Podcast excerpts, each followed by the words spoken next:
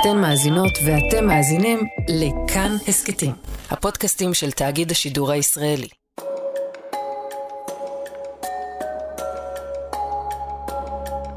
קשה להפריז בעוצמת הדרמה שהייתה כאן אתמול.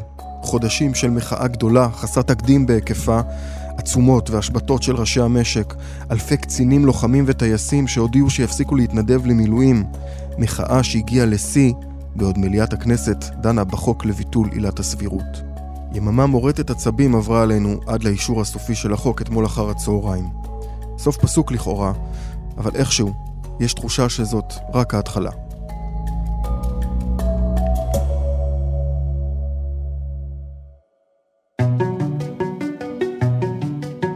שלום, אני דניאל אופיר ואתם מאזינים לעוד יום, הסכת האקטואליה של כאן. היום נעשה סדר בדרמה שהייתה כאן. נבין מה קרה ביממות האחרונות, איך הדברים התגלגלו, לאן שהתגלגלו, מה היה מאחורי הקלעים, וכמה באמת היינו קרובים לפשרה. וגם, לאן הולכים מכאן?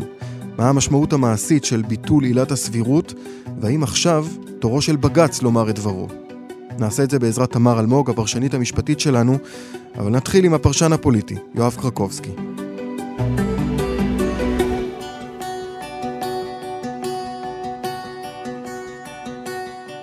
אהלן יואב. אהלן דניאל. בואו ננסה לתאר את הדרמה הגדולה שהתחוללה כאן בימים האחרונים עד שהגענו להצבעה אתמול בצהריים, ונראה לי שאנחנו יכולים להתחיל את כל הסיפור הזה מיום חמישי בערב. קודם כל, אי אפשר להפחית מעוצמת הדרמה הזאת. מדובר באחת החקיקות הדרמטיות ביותר. אפשר להגיד שמי שירצה לומר, אה, ההפיכה המשפטית, הרפורמה המשפטית, הושקע, זה מה שקרה. השאלה הגדולה באמת מה יהיה בהמשך, נדבר על זה. אבל מה שהיה בימים האחרונים, זה מתחיל באמת ביום חמישי, כשראש הממשלה בנימין נתניהו נושא הצהרה ואומר, אנחנו נחוקק את ביטול עילת הסבירות, אבל במקביל ננסה להגיע להסכמות. גם ברגעים אלה, אני מבקש לומר לכם, שנעשים מאמצים להגיע להסכמה על עילת הסבירות. אני מאוד מקווה שהמאמצים האלה יצליחו. אבל גם אם לא, דלתה של האופוזיציה, של הקואליציה, תישאר פתוחה תמיד. לכם, אזרחי ישראל, וגם לאופוזיציה. ראשי האופוזיציה אומרים שהם דוחים את הצעתו של בנימין נתניהו, אבל בעצם ממשיכים לדבר עם בנימין נתניהו, לא באופן ישיר, אלא באמצעות שליחים. ראשי המחאה דוחים את הקריאה של בנימין נתניהו, וגם דוחקים בראשי האופוזיציה שלא להידבר איתו, ואז הדבר הזה מייצר הפגנות גדולות מאוד ברחבי הארץ כבר ביום חמישי, הפגנות אה, די אה, אלימות שכאשר המשטרה מנסה לסלק את המפגינים מצירי התנועה שהם נמצאים עליהם, במרכזי הערים, בקפלן, חסימת כבישים ומעצרים, וגם צעדה שהתחילה עוד ביום שלישי שעבר מקפלן לכיוון ירושלים, ממשיכה גם באותו יום חמישי לקראת סוף שבוע מאוד מתוח.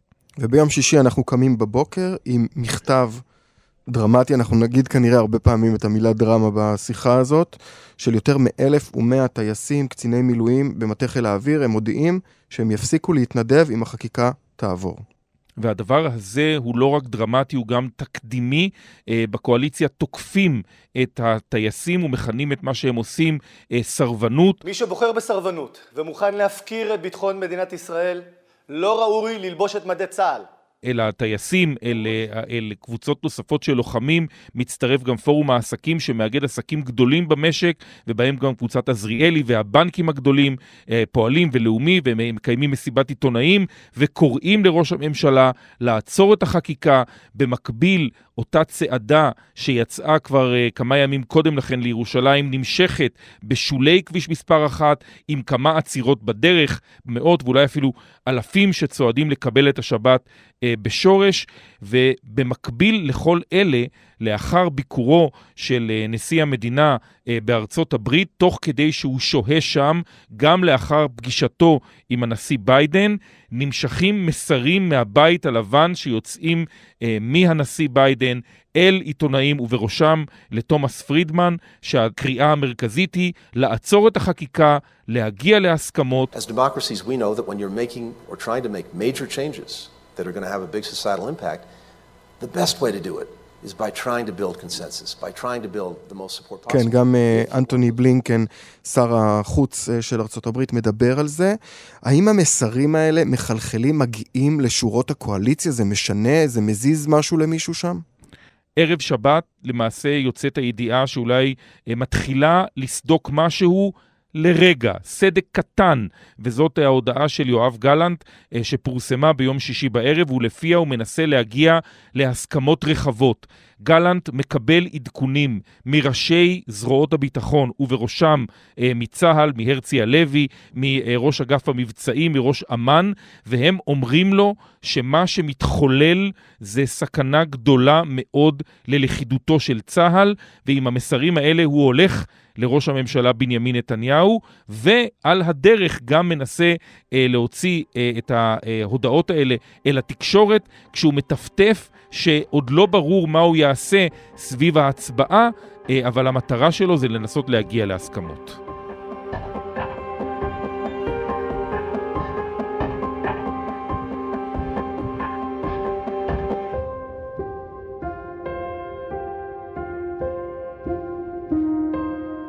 ואנחנו בעיצומה של השבת, אבל המחאה לא שובתת לרגע. צעדת מחאה שהולכת ומתעצמת. צעדה של באמת, עכשיו אפשר יהיה כבר לומר עשרות אלפי אנשים. יש פה באמת נחיל של האנשים, זה אי אפשר לתאר את כמות האנשים, ככל הנראה עשרות אלפים, שעושים את הדרך כאן, על כביש אחת. עולים לירושלים בחום מאוד גדול וצועדים ברגל מהמוקד שהיה בערב, ערב שבת בשורש. אנחנו לא נפסיק, לא ב-40 מעלות וגם לא ב-50 מעלות. עד שהם לא יפסיקו עם ההפיכה המשטרית שלהם, אנחנו לא נפסיק עם ההפגנות והמחאות. עד צאת השבת, כאשר הם מתכנסים בכמה מוקדים בירושלים, בגן סאקר וליד הכנסת, לשורה ארוכה מאוד אה, של הפגנות, ובמהלך השבת גם רמטכ"לים לשעבר, ראשי מוסד ושב"כ ובכירים במערכת הביטחון, מגבים את הלוחמים והטייסים שמודיעים על השעיית ההתנדבות שלהם. גם איגוד הטייסים האזרחי קורא לעצור את החקיקה.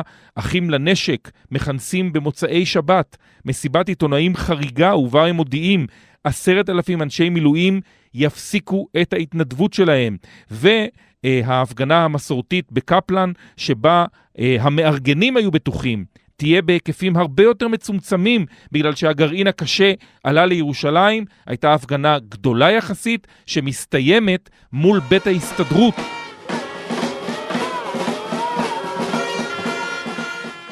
כאשר ארנון בר דוד, יושב ראש ההסתדרות, מכנס את ראשי המשק וראשי הוועדים להתייעצות לילית עמוקה, לבדוק מה עושים כדי לעצור את החקיקה.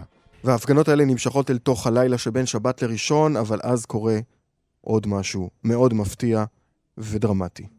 תראה, החדשות בישראל לא מפסיקות אה, אה, לפקוד אותנו. בשעה חצות 43 יוצא סרטון מלשכת ראש הממשלה, ובו אה, ההודעה של נתניהו עומד מול המצלמה ואומר... ואני רוצה לעדכן אתכם במה שעומד להתפתח. אה, לפני שבוע שמו לי מכשיר ניטור. המכשיר הזה צפצף הערב ואמר שאני צריך לקבל קוצב לב. ואת זה אני צריך לעשות עוד הלילה. אני מרגיש מצוין.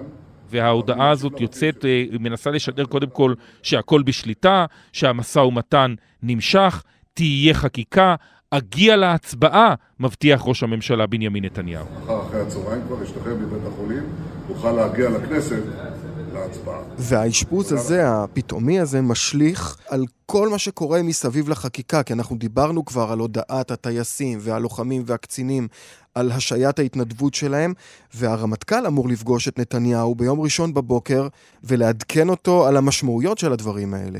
והפגישה הזאת בסופו של דבר לא יוצאת לפועל בגלל האשפוז הזה של אה, ראש הממשלה בנימין נתניהו, והיא נדחית. ואנחנו מתחילים בנושא הראשון על סדר היום. הוא הצעת חוק יסוד השפיטה. במקביל ביום ראשון מתחילה חקיקת צמצום עילת הסבירות במליאת הכנסת. אה, אנחנו עוסקים בהצעת חוק יסוד השפיטה, תיקון מספר 4, שמנסה להשיב אה, מעט הפרדת רשויות ודמוקרטיה למדינת ישראל. המליאה מתכנסת ביום ראשון. זה מהלך נדיר מאוד שהמליאה מתכנסת ביום ראשון. זה נבע בשל חשש של הקואליציה מפיליבסטרים, ממשיכת זמן, מתרגילים של האופוזיציה, והם רוצים לחוקק את זה עד סוף המושב, ולכן הם כינסו את המליאה בראשון. והאופוזיציה מושכת זמן בנאומי סרק אה, ארוכים מאוד, שכל תכליתם זה לנסות למשוך זמן, כי ביום ראשון עדיין מתקיימות אה, שיחות מאחורי הקלעים, שאותם מובילים שלושת הפרופסורים, יובל אלבשן, ידידיה שטרן, ו... מי שאנחנו מכנים אותו פרופסור, אבל הוא היה המשנה ליועץ המשפטי לממשלה, עורך הדין רז נזרי. הם הגישו איזושהי טיוטת הצעה שקידם אותה גם יושב ראש ההסתדרות ארנון בר, בר דוד וב, ויצחק הרצוג הנשיא, והם בעצם אה, עדיין דיברו עם שני הצדדים לאורך כל אותו יום, ובכנסת משכו זמן כדי לאפשר למשא ומתן הזה להגיע אולי לאנשהו. ההצעה הזאת כוללת את צמצום עילת הסבירות והשהיית המשך החקיקה לתקופה מסוימת, שיש ויכוח על אורך התקופה.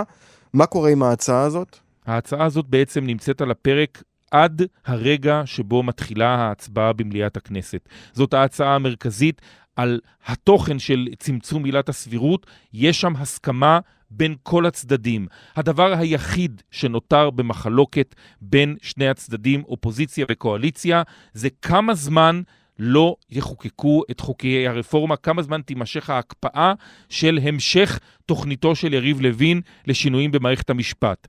בעוד שיש עתיד והמחנה הממלכתי תבעו יותר משנה של שקט, 15 חודשים תבע אה, יאיר לפיד, אה, בני גנץ אומרים תבע אולי קצת יותר מזה, בקואליציה דיברו על חצי שנה של הפסקה, שדניאל מתוך חצי השנה הזאת זה חודשיים וחצי של פגרת כנסת, שכך או אחרת לא תהיה בה קידום של חקיקת אה, רפורמה משפטית. וביום ראשון בערב יש מסך מפוצל בטלוויזיה שלנו. מדינת ישראל, כפי שאפשר לראות בעריה וברחובותיה, חצויה בערב הזה בין המתנגדים לתומכים, בין ירושלים לתל אביב. בין... זה היה מחזה סוריאליסטי. אני סיימתי יום עבודה בירושלים והלכתי לרכבת, עליתי על הרכבת לכיוון תל אביב, ושם ראית את הדבר המהמם. אלפים של מפגינים שבאים מתל אביב לירושלים להפגין נגד הרפורמה, ולצידם אני יורד במדרגות הנאות לכיוון הרציפים בדרך לתל אביב עם אלפי מפגינים, תושבי ירושלים והאזור, שנושאים גם הם דגלים בדרכם להפגנה בעד הרפורמה בצומת קפלן בתל אביב. שיממה קודם אירחה את המפגינים שמתנגדים לרפורמה. וזה בעצם היה הדוגמה לכך ששני הקהלים יוצאים מנקודת הנוחות שלהם. התל אביבים עולים לירושלים להתנגד לרפורמה, הירושלמים יורדים לתל אביב לתמוך ברפורמה, וזה היה מחזה על המדרגות הנאות האלה של uh, תחנת הרכבת יצחק נבון בירושלים. זה היה מפגש של שני הקצוות, של שני המפגינים, והקריאות שהיו שם הם דמוקרטיה.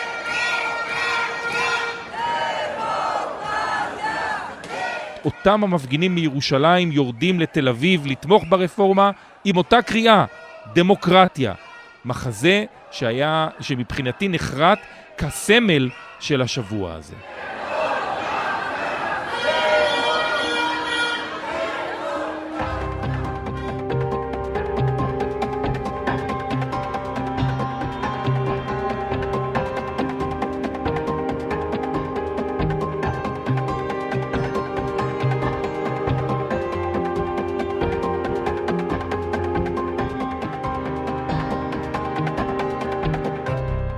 ביום שני בבוקר אנחנו עדיין לא יודעים מה יהיה. יש משא ומתן שמתנהל מאחורי הקלעים, יש איזושהי אמירה, ניסיון להגיע להסכמה, לפשרה, משהו שאולי ידחה את החקיקה, ופורום העסקים, שמאגד כ-150 חברות גדולות במשק, מודיע על השבתת החברות בפורום, למעט הבנקים שלא יכולים לשבות. ותוסיף לזה גם את אה, הרופאים שחוזרים ומאיימים על אה, אה, שביתה נוספת. ובמקביל כל הזמן מתקיימים מגעים. יושב ראש ההסתדרות אה, ארנון בר דוד עולה לירושלים ונפגש בשעה רבע לאחת עשרה עם נשיא המדינה, פגישה מאוד מתוחה שבה משתתפים גם ראשי העולם העסקי, ושם שומעים את ארנון בר דוד, יושב ראש ההסתדרות, זועם על שני הצדדים. גם על הקואליציה, גם על האופוזיציה, על חוסר היכולת שלהם לנסות אה, אה, להגיע לאיזשהם הסכמות כאשר הפערים מבחינתו אינם גדולים, והמשא ומתן נמשך ממש עד הרגע האחרון. סביב השעה 12 בצהריים מגיע ראש הממשלה בנימין נתניהו למשכן הכנסת שעות ספורות לאחר ששוחרר מאשפוזו בבית החולים שיבא בתל השומר. הוא מגיע, אנחנו שואלים אותו לשלומו, הוא אומר, הכל בסדר, אך לא מתקרב למיקרופונים כדי לשחרר איזושהי הצהרה, כפי שנתניהו עושה לעיתים בימים סוערים בכנסת, והוא יורד ישר אל תוך לשכתו. יואב, אתה שם, בכנסת, בשעות האלה, תאר לנו קצת מה, מה קורה שם. התרוצצות אינסופית של אה, חברי כנסת, של פקידים, של מזכיר הממשלה יוסי פוקס, שעולה ויורד אה, בין אה, קומת אה, הממשלה, קומה 2, לבין קומה 3, קומת מליאת הכנסת. אפשר היה גם לראות את יושב ראש הכנסת, אמיר אוחנה, נכנס ויוצא מן המליאה. אה, קצת אחרי 12, ראש הממשלה בנימין נתניהו עולה למליאת הכנסת, ושם אתה רואה מחזה חריג. שולחן הממשלה יושב במרכז מליאת הכנסת, במרכז השולחן הזה יושב ראש הממשלה. לשמאלו יריב לוין, לימינו שר הביטחון יואב גלנט, ובין השלושה מתפתח שיח שנמשך לאורך כל ההצבעות על ההסתייגויות בקריאה שנייה. ואתה רואה שם את יואב גלנט מתאמץ לשכנע את ראש הממשלה נתניהו ואת uh, שר המשפטים יריב לוין להגיע לאיזשהי סוג של פשרה. יואב, יואב גלנט רץ בין ראש הממשלה לבין יושב ראש המחנה הממלכתי uh, uh, בני גנץ לכיוונו של ראש האופוזיציה יאיר לפיד, עומד בשולי האולם בתחילת הדיונים, בתחילת ההצבעות, הוא בכלל מפספס חמש הצבעות כי הוא מאוד מאוד במתח. יאיר לפיד, ראש האופוזיציה, תובע בחקיקה שכל שינוי בחקיקת היסוד שקשורה במבנה מערכת המשפט תהיה בהסכמה לאומית רחבה. והוא תובע שהדבר הזה יחקק, לא ייחתם ויוסכם, אלא יחקק מתוך זה שבאופוזיציה, בעיקר אה, ביש עתיד, אבל גם במחנה הממלכתי, לא מאמינים להבטחות של בנימין נתניהו. סירוב הקואליציה לחוקק את הסעיף הזה היה עוד גורם שהביא לפיצוצן של שיחות המשא ומתן, ובסופו של דבר לפיצוץ השיחות. אנחנו רואים את התמונות מהמליאה של חברי הכנסת מהאופוזיציה שנעמדים אה, על רגליהם בקריאות אה, בושה. המליאה שהתנהלה בשקט אה, יחסי. עם תום ההצבעה על הקריאה השנייה, לאחר שהצביעו על כל ההסתייגויות במשך יותר משעתיים וחצי, כשהתחילו את ההצבעה בקריאה שלישית, אז התחולל דבר מאוד משמעותי. מעבר לעובדה שחברי כנסת נעמדו במליאת הכנסת והתחילו לקרוא קריאות, חברי כנסת מן האופוזיציה, לכיוונם של שר המשפטים, ראש הממשלה, יושב ראש ועדת חוקה, חוק ומשפט, שמחה רוטמן, קריאות בושה, הקריאות המוכרות לנו מאוד מן ההפגנות ברחוב, הם התחילו גם לצאת מן המליאה. ובעצם השאירו את ההצבעה בקריאה שלישית להצבעה במעמד צד אחד. הקואליציה לבדה הצביעה בעד צמצום עילת הסבירות בקריאה שלישית, והתוצאה יצאה 64-0. וזה אומר שאף אחד מחברי הקואליציה לא נמנע או התנגד, כולל שר הביטחון יואב גלנט. חד משמעית. כל הקואליציה עם בנימין נתניהו. זאת אולי התמונה שהוא רצה, אם מישהו מהשרים, ובראשם יואב גלנט, היה מתנגד או נמנע, היום הוא היה מפוטר, מה שהיה מרחיב עוד יותר את ההפגנות אה, ברחובות הערים אה, שמסביב לכנסת. צריך להגיד, בשעה שאנחנו משוחחים עכשיו, עדיין בכנסת, הכנסת נצורה מסביבה עם מפגינים, ולצאת אה, ממונה מכאן עם כלי רכב, אי אפשר, אפשר לצאת מכאן רק ברגל. השאלה, כמה זמן ובאיזה אופן תמשיך המחאה לאחר ההחלטה של הקואליציה להפסיק כל הידברות וללכת על חקיקת הפרק הראשון בשינויים במערכת המשפט. יואב, לסיכום האירוע הזה, סיכום ביניים כמובן, כי זה עוד לא הסתיים. איך אתה התרשמת? נתניהו הובל בתוך האירוע הזה או שהוא שלט בו? אני חושב שבנימין נתניהו הובל באירוע הזה על ידי שניים. על ידי שמחה רוטמן, ובראש ובראשונה על ידי יריב לוין, שיש לו קואליציית סיוע מסביבו, שעוזרת לו להשיג את מבוקשו. עשינו צעד ראשון במהלך ההיסטורי החשוב של תיקון מערכת המשפט ושל השבת הסמכויות שנלקחו מהממשלה ומהכנסת לאורך שנים ארוכות. שזאת הקואליציה שכוללת בתוכה את uh, uh, בצלאל סמוטריץ' ואת ה, uh, את מנהל בר הסלטים של הקואליציה, איתמר בן גביר. ויריב לוין היה הדמות העיקשת לאורך כל המשא ומתן.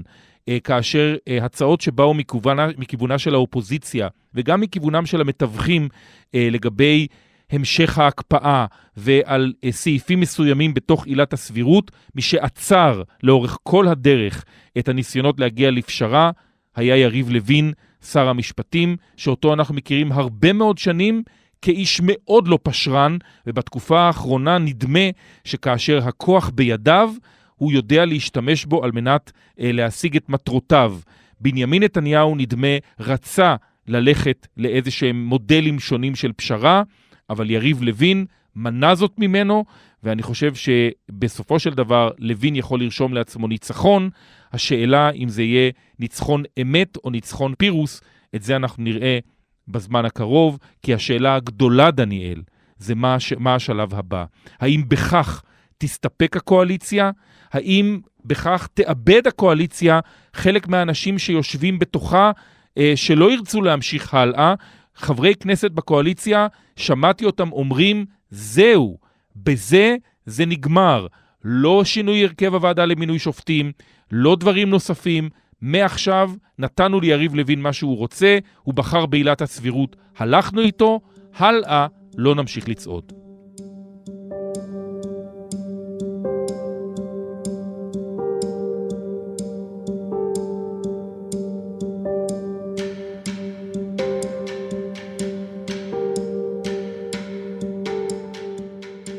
יואב קרקובסקי, תודה רבה לך. תודה, דניאל. אז עד עכשיו דיברנו על מה שהיה. עכשיו אנחנו רוצים לדבר על מה שקורה מעכשיו והלאה, על המשמעויות המשפטיות של החקיקה החדשה. נעשה את זה בעזרת תמר אלמוג, הפרשנית המשפטית של כאן חדשות. שלום תמר. שלום דניאל. בואי נתחיל מה... לא יודע, מובן מאליו לקרוא לזה? מה משמעות החוק לביטול עילת הסבירות? המשמעות היא שהעילה הזאת, שבג"ץ היה משתמש בה מדי פעם, או בתי המשפט היו משתמשים בה, ועד היום היא לא הופיעה בחוק, עכשיו מופיעה בחוק פעם ראשונה כשהיא מבוטלת, והממשלה בעצם אומרת, אין ביקורת שיפוטית על מהלכים מסוימים שאנחנו עושים.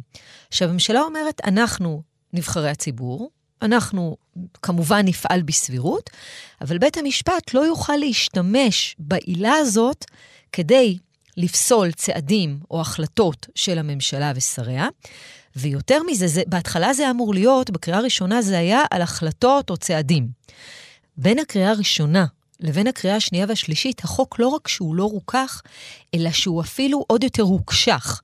כי הוסיפו עוד סעיף שהעילה הזאת לא תחול לא רק על צעדים והחלטות, אלא גם על מה שנקרא אי מעשה או מחדל. דוגמה היפותטית לחלוטין, ובטח אין קשר בין תיקון החוק לבין העובדה שיום קודם יו"ר האופוזיציה אמר שיעתור על כך, אי כינוס הוועדה לבחירת שופטים. כלומר, אם שר המשפטים ממשיך לא לכנס את הוועדה לבחירת שופטים, ומוגשת עתירה ואומרת, זה לא סביר שהוא לא מכנס את הוועדה, בעצם בג"ץ, לפי החוק הזה, לא יכול לדון בכך. אז זאת אה, דוגמה, איך נגיד, היפותטית לחלוטין, אבל בואי נלך למשהו קונקרטי יותר. דוגמאות להחלטות שנפסלו בעילה הזאת וכעת לא יוכלו? תראה, יש כמה וכמה דוגמאות מכל מיני כיוונים. דוגמה מאוד ידועה וזכורה היא סיפור פרשת דרעי-פנחסי, שאנחנו מדברים על 30 שנה אחורה, כן? שזה דובר על שר נאשם בפלילים. שאי אפשר למנות שר נכון. שנאשם בפלילים. עכשיו, חובת ראש הממשלה לפטר וכן הלאה. גם בסיפור דרעי עכשיו, היו שופטים שחשבו שעילת הסבירות מונעת ממנו, אחרי שהורשע פעם שנייה, להיות שר, לכהן כשר. אבל היו שופטים שהשתמשו בעילות אחרות, ותכף נגיע לזה כדוגמה. אבל יש עוד דברים.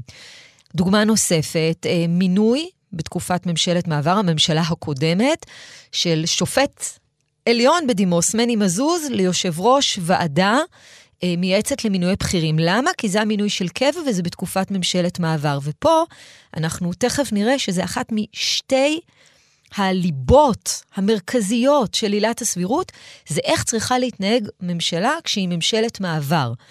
שזה לא סביר, כל הנושא הזה שאומרים לא סביר שממשלת מעבר אה, או ממשלה בזמן הבחירות תתחייב לתקציבים ותפזר אה, תקציבים ותכבול את הממשלה הבאה, כל האיסורים לעשות את זה, שהיו על כל הממשלות, מקורם בעילת הסבירות. יש לנו עוד הרבה דוגמאות. ההחלטה, זה לא תמיד עילת הסבירות היא לבדה, אני נותנת דוגמאות לפעמים היא, עם עוד עילות.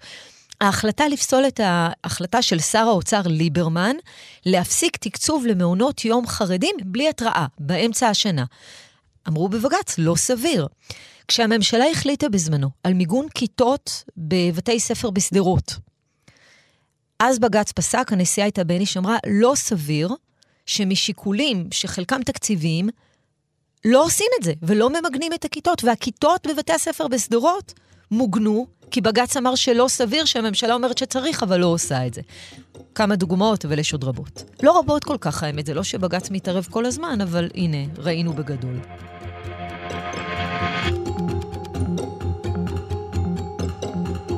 אז הבנו מה המצב החוקי מהיום והלאה, העילה הזאת כבר לא קיימת, אבל כמובן שיש מי שמבקש לתקוף את זה בבג"ץ.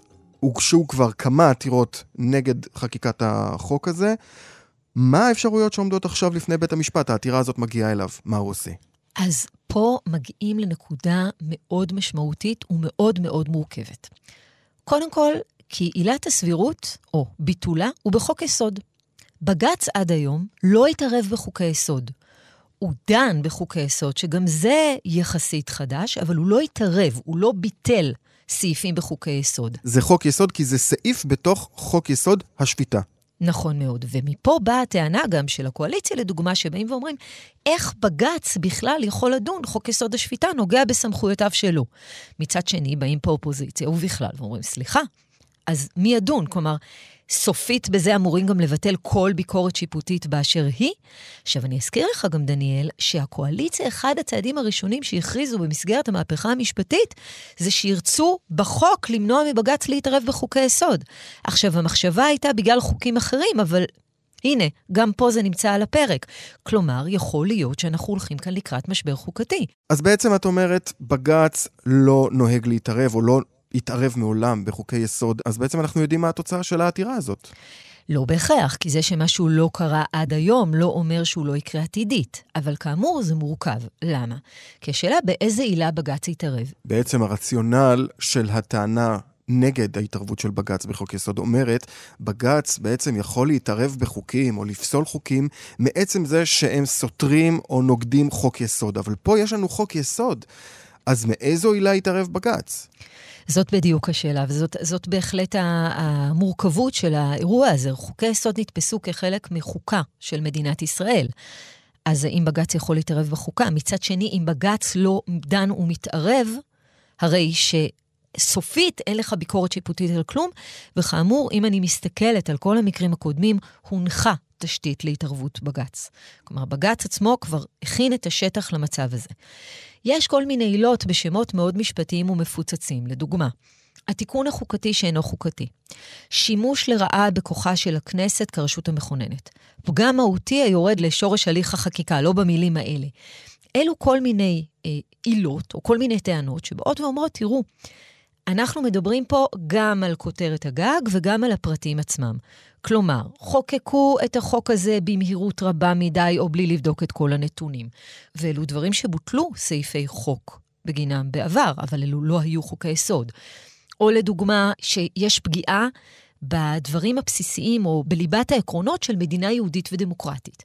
אלו דברים שבעבר, בדיונים בבג"ץ, הונחה איזושהי תשתית, איזשהו פוטנציאל של התערבות בג"ץ, אבל כאמור לא היה בו שימוש לחוקי יסוד, להתערבות בחוקי יסוד. גם כאשר היו ביטולי חוקים או סעיפי חוק, וזה הרבה פחות ממה שחושבים שהיה אגב, עדיין זה היה פעמים רבות כי הם סותרים חוקי יסוד. כאן אנחנו נכנסים לשאלה, מה קורה שחוק יסוד הוא זה שעל הפרק, ולא חוק שסותר חוק יסוד. עכשיו, יש גם אפשרות תיאורטית לפעולה מיידית של בג"ץ. לדוגמה, אם ניקח את העתירות האלה, יכול בג"ץ להוציא מה שנקרא צו ביניים, ובעצם לומר חקיקה מוקפאת. עכשיו, מכיוון שהרבה מאוד שאלות, ולא הצלחתי לספק לך הרבה מאוד תשובות ודאיות, נכון? לך ולמאזינים שלנו, אז אני אתן לך משהו כן ודאי. והמשהו הזה זה שכך או כך תהיה פה סערה ויהיו כאן כותרות ובג"ץ יהיה על האש.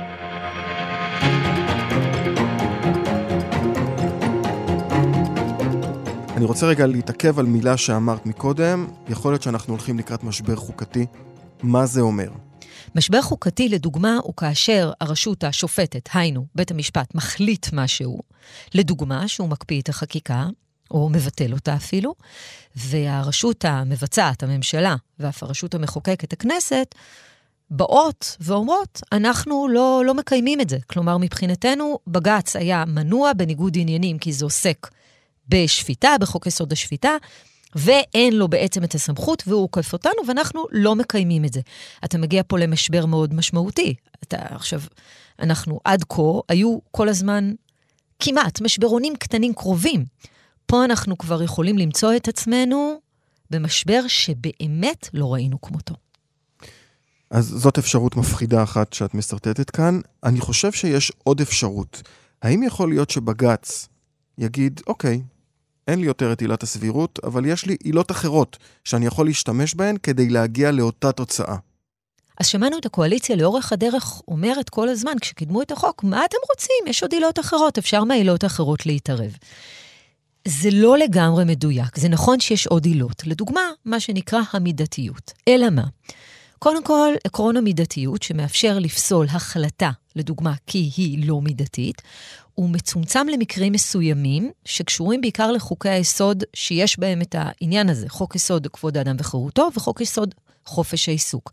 לדוגמה, על עקרון המידתיות קבע בג"ץ ממש לאחרונה, שלא מידתי לומר שעובד זר ששהה כאן כחוק ויצא בעיכוב, גם אם זה עיכוב קטנצ'יק מהמדינה, שוללים לו את כל ההטבות הסוציאליות שקיבל. כי זה לא מידתי. ואמרו, אתם יכולים לעשות את הצעדים האלה, פשוט תהפכו אותם למידתיים יותר. זה לא תמיד רלוונטי. שם זה סתר חוק יסוד, יש מקרים שבהם זה לא רלוונטי עקרון המידתיות. עילות נוספות שמדברים עליהן ואומרים, הנה, אפשר להשתמש בהן. לדוגמה, החובה לשקול את מגוון השיקולים. חובה של שר או שרה, הם מקבלים החלטה לשקול את מגוון השיקולים. או אה, שלא יהיו אה, טעמים לא ענייניים בהחלטה. כל הדברים האלה הם למעשה עילות שאתה יכול להגיד, בסדר, הם יפתרו, הם יחליפו את עילת הסבירות. אבל א', גם הן כולן תחת כותרת הגג של סבירות. ב', נניח ששר או שרה מחליטים שמגוון השיקולים שלהם כולל קרבה ונאמנות וגיוס אנשים בפריימריז. אז, אז בג"ץ לא יכול להשתמש בעילה הזאת יותר. כי, כי אם בג"ץ חושב שזה לא סביר, זה כבר אבוד לו.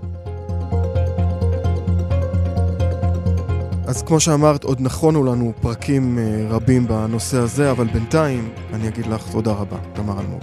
תודה לך, דניאל אופיר. האזנתם לעוד יום. תודה לאלעד זוהר על עיצוב הקול והמיקס, על הביצוע הטכני, צביקה בשבקין, משה מושקוביץ ויאיר ניומן. בצוות האורחים גם יותם רוזנבלד. היה לכם מעניין? שתפו בכל הכוח. אם אתם מאזינים לנו בספוטיפיי או אפל פודקאסט, נשמח אם תפנקו בדירוג. מוזמנים גם להשאיר שם הערה.